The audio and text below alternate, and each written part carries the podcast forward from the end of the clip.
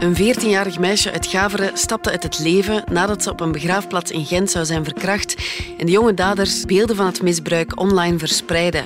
Wat bezielt jongens om een meisje in groep te misbruiken en dat misbruik ook te filmen? Het is maandag 14 juni. Ik ben Lise Bonduel en dit is Vandaag, de dagelijkse podcast van de Stad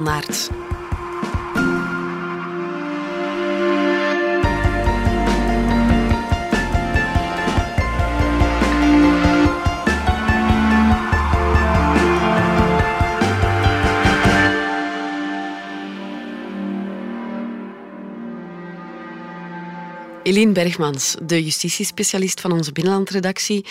Wat weten we tot nu toe over de zaak? Wel, eerst is het uh, belangrijk om, om te vertellen dat het een bijzonder delicaat uh, dossier is. Um, we zitten met een zelfdoding uh, waar het slachtoffer minderjarig is. En drie van de vijf verdachten zijn dat ook. Waardoor dat, de identificatie bij wet verboden is en dat we ook proberen een beetje spaarzaam te zijn met details. Mm -hmm. Maar ik denk dat je een goede samenvatting gegeven hebt. De feiten zijn dat er een 14-jarig meisje zelfmoord heeft gepleegd op 19 mei. Volgens haar ouders was dat een, een sociaal en een vrolijk kind. Maar ze kampte al enige tijd, eh, een aantal weken, maanden, met donkere gedachten. Had het eh, psychisch een beetje moeilijk. -hmm. De vader eh, en de moeder hebben ook hulp gezocht voor het meisje, waar ze ja, dan eigenlijk niet gehoord zijn. Uh, op een bepaald moment pleegt het kind dus zelfmoord. En de ouders die denken dat die zelfdoding ook kadert in die donkere gedachten die ze daarvoor al had. Ja. Maar eigenlijk pas na haar dood is er duidelijk geworden wat er eigenlijk gebeurd is. Het meisje had verteld aan een vriendinnetje dat ze op 15 mei misbruikt was op een begraafplaats in Gent. Ze had daar afgesproken met een jongen, uh, maar toen ze het afspraakje hadden, dan uh, waren daar plots vijf jongens aanwezig. Toen dat ze dus gestorven is na, na die zelfmoord, is het eigenlijk de, de moeder van het vriendinnetje dat dan de ouders heeft ingelicht. En zo is eigenlijk de bal aan het rollen gegaan. Mm.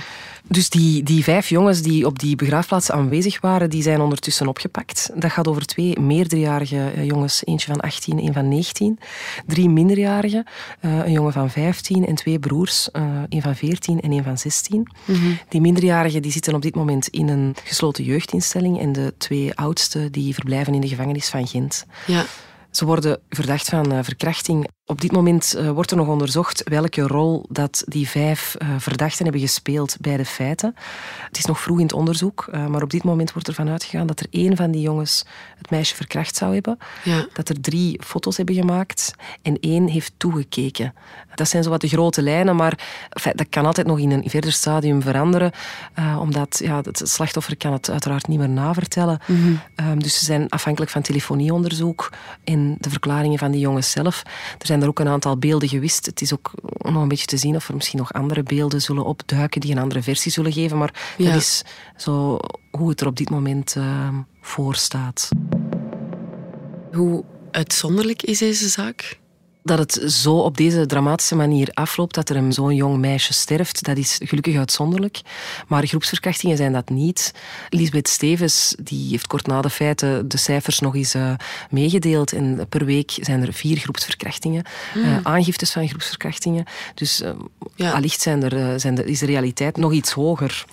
Het is belangrijk om te verduidelijken dat niet elke groepsverkrachting een gangbang uh, hoeft mm-hmm. te zijn, omdat er een verschil bestaat tussen wat er in de volksmond begrepen wordt onder verkrachting en een juridische verkrachting. Ja. Een juridische verkrachting dat is eigenlijk een seksuele penetratie met een voorwerp of, of lichaamsdeel op een persoon zonder dat hij daar toestemming voor geeft. Mm-hmm. Dus juridisch kan een tongzoen zonder instemming, kan dat ook een verkrachting zijn. Oké. Okay. Het is eigenlijk om twee redenen een heel uitzonderlijke zaak. Ja, het is, erg dramatisch afgelopen, maar het gaat ook om een heel erg uh, jong slachtoffer, een meisje van 14 uh, nog maar. En ja, ook een belangrijke rol in dit verhaal is dat de vermoedelijke verkrachting werd gefilmd en werd gefotografeerd en dat die beelden werden verspreid en dat de, angst um, of het gevoel dat die verspreiding of die mogelijke verspreiding bij dat meisje um, gaf, dat dat eigenlijk ook een, een rol heeft gespeeld. Nu, we kennen natuurlijk niet alle details over deze zaak, maar wat drijft iemand om een jonge vrouw in groep te verkrachten? Wat is het profiel van zo'n dader? Ik heb um, daarover gesproken met Charlotte Purk. Dat is een psychologe die voor uh, ITER werkt. En uh, dat is een, een centrum waar uh, seksuele delinquenten worden behandeld. Mm -hmm. um, zij heeft mij uitgelegd dat het, het, profiel van een dader van een groepsverkrachting in principe niet zoveel verschilt van dat van andere zedendelinquenten. Risicofactoren zijn dat iemand ja, uit een moeilijke thuissituatie komt, maar ook een, een, lagere opleiding waar dat er weinig aandacht is voor seksuele opvoeding. Ja. Dat, dat zijn ook elementen die meespelen. Nu, heel belangrijk was het voor haar om te benadrukken dat het natuurlijk niet zo is dat omdat je aan die drie voorwaarden voldoet, dat je ook een dader wordt. Dat je zoiets niet kunt voorspellen. Wat er ook een belangrijke rol speelt bij groepsverkrachtingen is de groepsdruk. Uh, omdat die daders in groep zijn en, en samen zijn, hebben ze een beetje de indruk dat de individuele verantwoordelijkheid afneemt. Ja. En hoe groot is de kans dat zulke ja, jonge daders later dan op het rechte pad blijven? Wel, dat heb ik mij ook uh, door uh, die psychologen laten vertellen. Daar is wel een heel groot verschil. Dus een, een jonge zedendelinquent, daarin is het risico op herval veel, veel lager dan bij een volwassen mm. zedendelinquent. Want daar weten we dat het, dat het risico op, op recidive enorm hoog is. Dus daarom, uh, als er daar straffen worden uitgesproken, wordt er altijd rekening mee gehouden dat die kans erg, erg groot is. Ja. Maar bij jongeren is die kans er veel minder. Als je die daders behandelt, dan is dat risico zelfs drie tot, eh, afhankelijk van het wetenschappelijk eh, onderzoek, maar wordt er gesproken van een risico van 3 tot 11 procent, wat een hmm. stukken, stukken lager is. En hoe komt dat? Er zijn verschillende redenen voor. De maatregelen die worden opgelegd, dat die goed werken, daarmee wordt wel wat rekening eh, gehouden. Mm -hmm. Maar daarnaast ook met de age crime curve. Die age crime curve laat eigenlijk zien dat de criminaliteit onder adolescenten toeneemt en dat die na de tienerjaren weer afneemt. Mm. Dat heeft te maken met uh, een leeftijdsfase waarin dat grenzen worden afgetast, waarin dat je eigenlijk ja, je, je, moreel kompas ontwikkelt. Maar dat is iets, dus iets dat echt nog wel bij te sturen is. Uh, en uh, ja, vind het wel heel erg interessant, omdat er op sociale media na die zaak werd opgeroepen tot strenge straffen en tot van alles en nog wat, maar dat het, dat, ja, dat, dat niet noodzakelijk um, de oplossing moet zijn. Nu, het parket onderzoekt de link tussen de zelfdoding van het meisje en de vermoedelijke verkrachting. Hoe helder is dat verband? Ja, dat is een moeilijke vraag. Um, het parket heeft zelf gesproken over de verzwarende omstandigheid dat die verkrachting zou hebben geleid tot de dood van het meisje. Dus in dat opzicht is er wel duidelijk een, een verband. Maar ja, als het gaat over zelfdoding, dan is het, benadrukken experts toch elke keer opnieuw dat er niet één reden is waarom iemand tot die daad overgaat, maar dat het mm -hmm. toch altijd een, een kluwen is. Belangrijk is, is daarbij ook dat een andere psycholoog heeft mij uitgelegd dat eigenlijk een, een persoon die al in een kwetsbare situatie zit, dat die ook veel vatbaarder is voor een groepsverkrachting. Omdat als je je mentaal niet zo goed voelt, dan ga je eigenlijk altijd op zoek naar een goed gevoel. Ja. En jongeren doen dat uh, heel vaak bij leeftijdsgenoten. En als er iemand slechte bedoelingen heeft, die een eerst een goed gevoel geeft, dan zijn zij veel vaker geneigd om daarop in te gaan. Dus het, dat hangt ook allemaal weer, weer samen. Uh. Ja. -hmm. En laten we eens kijken naar de rol van sociale media bij seksueel geweld. Katrien van de Heining, jij bent professor fundamentele rechten aan de Universiteit Antwerpen en procureur des Konings bij het Openbaar Ministerie van Mechelen. Je bent gespecialiseerd in cybercriminaliteit. Is dat iets wat vaker gebeurt, dat een groepsverkrachting gefilmd wordt? We zien dat eigenlijk de laatste tijd wel steeds meer dat die groepsverkrachting, maar ook gewoon verkrachtingen, dat die gefilmd worden. En daar, ja, daar zijn een aantal redenen voor. Een eerste reden die we veel zien is gewoon het opkomen van de cultuur van amateurporno. Uh, en er zijn heel veel sites die daarop inspringen. En spijt genoeg zijn er ook heel veel sites die vragen naar heel expliciete content. En dus ook echt ja, verkrachtings, rape-video's. Um, je gaat op heel veel van die sites echt gewoon hashtag rape-video vinden. En spijt genoeg ja, wordt daarop ingespeeld, uh, wordt dat daar ook door genormaliseerd. We hebben dat in het begin gezien bij kinderpornografie, maar we zien dat nu ook eigenlijk bij dit soort misdrijven uh, en algemeen bij consensuele verspreiding van die beelden. Een tweede is natuurlijk het verder vernederen van een slachtoffer. En daarbij komt dat het ook vaak gebruikt wordt als afpersing. Van, ja, als je niet meer seksuele daden stelt, dan gaan we het verspreiden.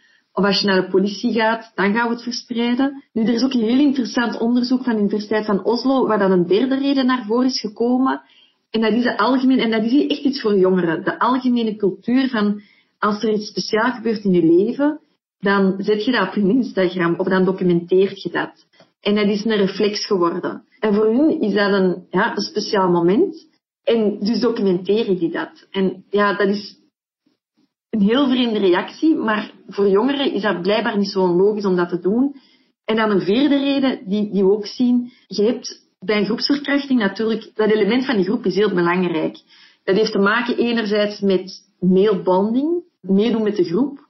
Een deel soms ook groepsdruk, maar ook een deel het wegduwen van je eigen verantwoordelijkheid en van toch eh, intern weet je natuurlijk dat dat fout is.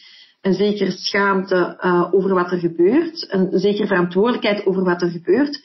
Maar doordat je dat in groep doet, ja, krijg je natuurlijk bevestiging van de anderen. Er is eigenlijk niks mis, want de rest doet het ook. Je minimaliseert je rol.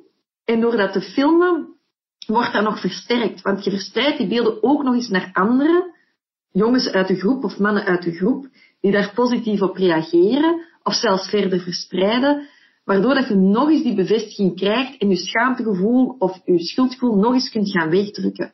En dat ziet je wel soms in verhoren, dat die jongens dan zeggen van, ja maar, ik heb maar een hele kleine rol, want iedereen deed het. Of, ja maar, ik heb alleen maar gefilmd. Ja, want ook bij de zaak rond Sophie Muilen, die verkracht en vermoord werd, maakte de dader een filmpje van haar doodstrijd. En ja, die video heeft ook een cruciale rol gespeeld in het proces als bewijsmateriaal. Hè? Ja, en van dat proces herinner ik mij dat hij heeft gezegd ja, waar, waarom heb je eigenlijk die beelden gepakt? Waarom heb je die foto's gemaakt? En hij zei van ja, dat was eigenlijk een, een speciale avond voor mij en ik wou dat documenteren. En hij zegt daar exact wat dat dan komt uit dat onderzoek van Oslo. Dat documenteren van ja, een speciale avond, er is iets speciaals gebeurd, dat documenteer ik.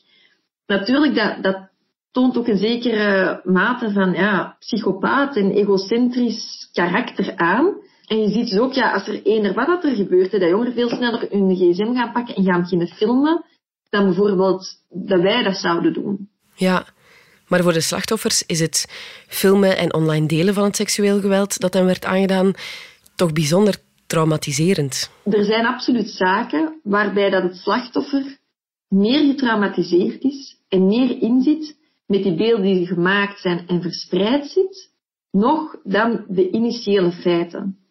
En we weten ook uit onderzoek dat slachtoffers eigenlijk die verspreiding van dat soort beelden, dat dat dezelfde impact psychologisch heeft dan een verkrachting of een aanranding. Omdat een verkrachting of een aanranding, is een specifiek moment, dat stopt en dan begint de verwerking. Zodat bij het verspreiden van die beelden blijft de angst altijd dat die beelden alsnog verspreid worden. Als ze verspreid zijn, dat ze toch terug naar boven komen en dat je ook niet weet wie dat die beelden heeft gezien. En dus die gevolgen blijven duren. En eigenlijk is daar niet, dat verwerkingsproces is dan ook veel moeilijker. Want met die verkrachting moet ze stappen over de gevolgen. Maar met die beelden gaan ze mee moeten leren leven. Dat die er mogelijk ergens nog altijd zijn en terug naar boven kunnen komen. 1 op 2 is suicidaal als die beelden verspreid worden. En veel van die slachtoffers weet ook echt niet waar ze daarmee terecht kunnen. Uh, vaak is er ook angst en schaamte om dat tegen hun ouders of tegen een hulpverlener te zeggen. En zien ze ook geen uitweg. En ja, kan je daar als slachtoffer dan iets tegen doen? Hoe moeilijk is het eigenlijk om naaktfoto's of beelden van seksueel geweld, om die van het internet te krijgen? Op het internet zelf zijn we de laatste jaren enorm goed geworden. Dus als je het meemaakt, echt contact opnemen met uh, Child Focus of het Instituut voor de Gelijkheid van Vrouwen en Mannen, want je bent rechtstreeks lijn naar Pornhub, naar Facebook, om die te laten verwijderen. Dus daar zijn we echt ja, best wel straf geworden om die te kunnen laten verwijderen. Uh, ik heb zelf zaken gezien waar ik dacht, het is hopeloos. En we toch zo goed als alles hebben van het internet gekregen. En dan volgt de maar, die gaat voelt komen. De maar is, waar dat het versleuteld is, kunnen we die tracering niet doen. En natuurlijk, heel veel van die beelden worden vandaag verspreid via WhatsApp uh, of Telegram. Dat zijn de meest gebruikte uh, om die beelden eigenlijk te gaan, gaan verspreiden. We zijn zo terug na de reclame. Je overweegt een elektrische of hybride wagen? Luister dan naar Plan Elektrisch Rijden. Een podcast waarin actrice en Joe DJ Elke van Mello Ik ben weg. op onderzoek gaat. We horen helemaal niks. Experts van Hedin Automotive, de grootste dealergroep van Mercedes-Benz in België, geven antwoorden op jouw maat. Strikt genomen geef je geen gas, maar stroom, maar zeg maar gas geven. Luister naar Plan Elektrisch Rijden. Oké, helder. Merci. Wat opvalt ook in de zaak over het 14-jarig meisje uit Gaveren, is dat ook op sociale media zowel de identiteit van het slachtoffer als van de verdachte werd gedeeld. De ouders van de vermoedelijke daders die kregen ook doodsbedreigingen. Doxing, zo heet dat fenomeen. Wat kan je daar dan tegen doen? Dat fenomeen van doxing is, is heel hardnekkig, waar dat echt iemand zijn identiteit wordt, wordt naar boven gebracht. Nu, in bepaalde gevallen is het gewoon zeer duidelijk strafbaar. De identiteit van slachtoffers van zedenfeiten, mensenhandel verspreiden is gewoon strafbaar. Dus daar heb je al een duidelijke oplossing. Hetzelfde geldt voor minderjarige verdachten. Ook om hen te beschermen uh, mag je die identiteit ook niet naar buiten brengen. In deze zaak is het gewoon duidelijk strafbaar. En ook als je die identiteit naar buiten gaat brengen, echt om iemand te gaan belagen, dan, dan kunnen we daar ook eigenlijk wel mee weg. Elektronische belaging noemt dat dan kun je daar ook mee weg. Als je het slachtoffer bent, dan is er ook absoluut de mogelijkheid om te werken eigenlijk met, met, met je naam. En wat we vaak gaan zien is dat dan de naam of de identiteit wordt gebruikt met bepaalde woorden die met de zaak te maken hebben. Dus dan zou je ook kunnen zeggen, de sociale media of de zoekmachines, die zijn daar, die zijn daar ook echt wel op uitgerust om te zeggen, als, als combinatie van de naam met dat woord wordt verspreid of met dat beeld wordt verspreid, gelieve dat dan te verwijderen, minstens uit de zoekopdrachten of van sociale media te halen. Dus dat zijn wel mogelijkheden, maar een deel van dat exposen of dat bekendmaken van identiteit is niet strafbaar. We doen natuurlijk dat zelf ook op dagdagelijkse basis. De moment dat je een foto op je Instagram zet met vrienden en je koppelt die eraan, zegt een hele leuke dag met, met Wim Peters, ja, dan heb je waarschijnlijk op voorhand ook niet de vraag gesteld aan Wim Peters of dat hij dat wel oké vindt dat je die daarin hebt. En ergens is dat ook een manier natuurlijk van exposing. We spreken over doxing als het echt kwaadwillig is. Ja. Is er meer bewustwording nodig bij gewone burgers over het delen van wraakporno of beelden van seksueel geweld? En moeten we ook zelf onze verantwoordelijkheid durven te nemen? Het voorbeeld daarvan is wat er is gebeurd in de zaak van Evelien. Waar dat, ik kan niet zeggen half Vlaanderen, maar toch een heel groot deel van Vlaanderen die beelden heeft gekregen en die beelden heeft getoond aan vrienden of verder heeft verspreid. En op geen enkel moment heeft nagedacht wat dat zou doen met, die, ja, met de slachtoffers daarvan. Um, waarom? Waarom entertainment? Ik denk dat er geen enkele andere reden was dan entertainment, plus ook deel te zijn van het verhaal. Ah ja, die heeft die beelden gekregen. Nou, wil eigenlijk die beelden dan ook wel krijgen om deel van het verhaal te zijn. En heel veel mensen hebben dat ook genormaliseerd. En gezegd van, ja, maar dan hadden ze maar niet moeten dit of iets anders doen. En dat werd meer getolereerd omdat het over bekende mensen ging. Maar je hebt wel de boodschap gegeven aan je puberzonen of dochters of aan je omgeving. Ja, het is de schuld van het slachtoffer. Dan moet je je niet verbazen als dat de houding is dat een paar maanden later uw puberzoon ook beelden gaat verspreiden van een meisje waar die beelden van heeft gekregen of de beelden die je via een vriend heeft gekregen. Want we hebben het zelf voor een groot deel genormaliseerd. En de media heeft daar absoluut geprobeerd om dat tegen te gaan. De media heeft absoluut um, geprobeerd om dat verhaal te brengen. En ook, hè, ook het relaas dat Peter van de Veire dat toen heeft gedaan, is heel belangrijk in bewustwording. Maar laten we allemaal eerlijk zijn wat wij behoort in onze eigen omgeving. En dat is het beperken van eigen rol in het ontvangen, het delen van die beelden. Hmm. Dat, is natuurlijk geen, dat is natuurlijk geen verkrachting.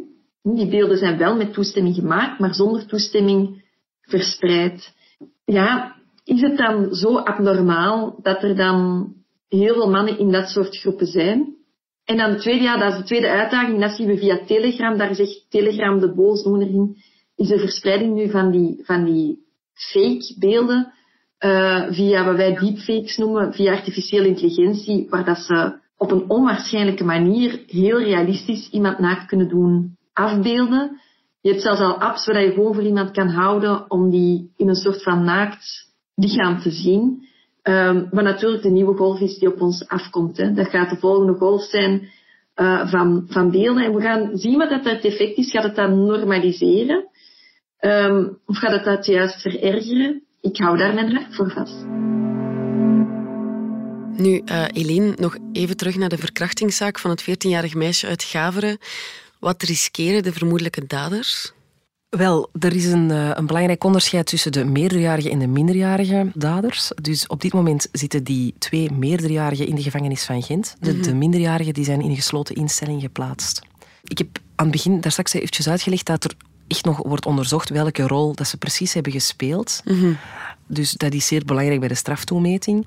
In principe is de maximumstraf voor een verkrachting, met dan de verzwarende omstandigheid van een minderjarig meisje, en die uh, ook nog heeft geleid tot haar dood, is daar de maximumstraf 30 jaar. Ja. Belangrijk om te zeggen dat dat zelden of nooit wordt uitgesproken, maar dat zou de maximumstraf zijn. Voor dan het, het maken en het verspreiden van foto's is de ja. maximumstraf 15 jaar. Okay. Maar dan gaat het enkel om de meerderjarige daders. Die jongen van 16 die zou eventueel uit handen worden gegeven zodat hij als een volwassene kan worden bericht. Maar voor de 14- en 15-jarigen liggen de zaken toch anders. Die kunnen eigenlijk niet bestraft worden. Uh, het enige wat er wel kan, is dat zij een, een ja, beschermingsmaatregel, heet dat eigenlijk in het jeugdrecht, uh, wordt opgelegd. En dat zij ja, in die gesloten instelling worden opgesloten totdat ze 18 jaar zijn, uh, eventueel nog, nog iets langer. Ja, dat is nog vier jaar dan eigenlijk. En dan zouden zij misschien weer op vrije voeten kunnen gaan. Voilà, dat, uh, ja, dat is een beetje de basis van jeugdrecht, dat je ook nog een tweede kans krijgt. Zijn mm. heel jonge, jonge daders. En dan ook met die nuancering dat eigenlijk die psychologen van ITER uh, maakten, dat, dat, dat, jongeren nog wel op een ander spoor kunnen worden gezet in de hoop dat, dan, uh, ja, dat zij dan niet meer zullen, zullen vervallen in, in dergelijke feiten. Hoe schat je de politieke impact van deze zaak in? Deze zaak heeft eigenlijk al eh, wel wat politieke fallout gehad. De minister van Binnenlandse Zaken, Annelies Verlinde, die uh, wil dat, dat slachtoffers van seksueel misdrijf de mogelijkheid uh, moeten krijgen om online aangifte te doen. Dat mm -hmm. moet de drempel lager maken voor hen. Ja. Hoe dat dan precies zit met minderjarige slachtoffers, dat is dan weer, weer iets anders. En bovendien, het is ook niet zo evident, omdat je, ja, het is natuurlijk heel belangrijk dat je nogal snel ja, op zoek gaat naar bewijzen. Ja. Dus, maar dat is iets wat, wat zij heel belangrijk vond van Quickenborne die zei dan weer dat hij vindt dat schokkende beelden dat die um, sneller offline moeten worden gehaald kunnen worden. Mm -hmm. En daarnaast waren er ook een aantal oproepen um, tot strengere straffen, ook voor die minderjarige daders. Nu, um, die uh, oproepen voor die strengere straffen, die kregen ook wel wat kritiek dat er wat uh, meegesurfd werd uh, op het populisme, omdat ja, met die nuancering dan van die psychologen van ITER die dan zegt van ja, dat is niet noodzakelijk de oplossing om, om dat soort jonge daders nu jarenlang in de gevangenis of of in een gesloten jeugdinstelling te gaan opsluiten. Ja. Uh, maar eerder ja, toch die nadruk op behandeling. Ja. Dus dat is wel een belangrijke nuancering. Er is dan nog een, een, belangrijk aspect waar we het nu iets minder over hebben gehad, maar de vraag naar hulp eh, voor het meisje. Dus de, de vader, eh, ik had aan het begin verteld dat hij ja, met haar eigenlijk twee keer in een ziekenhuis is geweest om te vragen om, om zijn dochter op te nemen, omdat ze psychisch echt uh, moeilijk had. Ja. Maar, maar ze konden eigenlijk nergens terecht. Ja, er worden nu ook politiek wel wat vragen over gesteld om, om dat nu eindelijk eens aan te pakken, want dat is ook een oud zeer, dat eigenlijk de psychische hulp voor jongeren, dat die, ja, dat er, dat die wachtlijsten enorm zijn. Dat is al jaren zo. En uh, helaas was dat uh, ook nu nog zo. Ja. En dat had volgens de advocaat van de vader van het slachtoffer toch ja, misschien wel een verschil kunnen maken. Mm -hmm. En hopelijk komt dat daardoor ook iets hoger op de agenda. Eline Bergmans, enorm bedankt. Graag gedaan. Wie met vragen zit over zelfdoding kan terecht bij de zelfmoordlijn op het gratis nummer 1813 en op www.zelfmoord1813.be. Dit was Vandaag, de dagelijkse podcast van Standaard. Bedankt voor het luisteren. Reageren kan via podcast.standaard.be. Alle credits vind je op standaard.be-podcast. Morgen zijn we er opnieuw.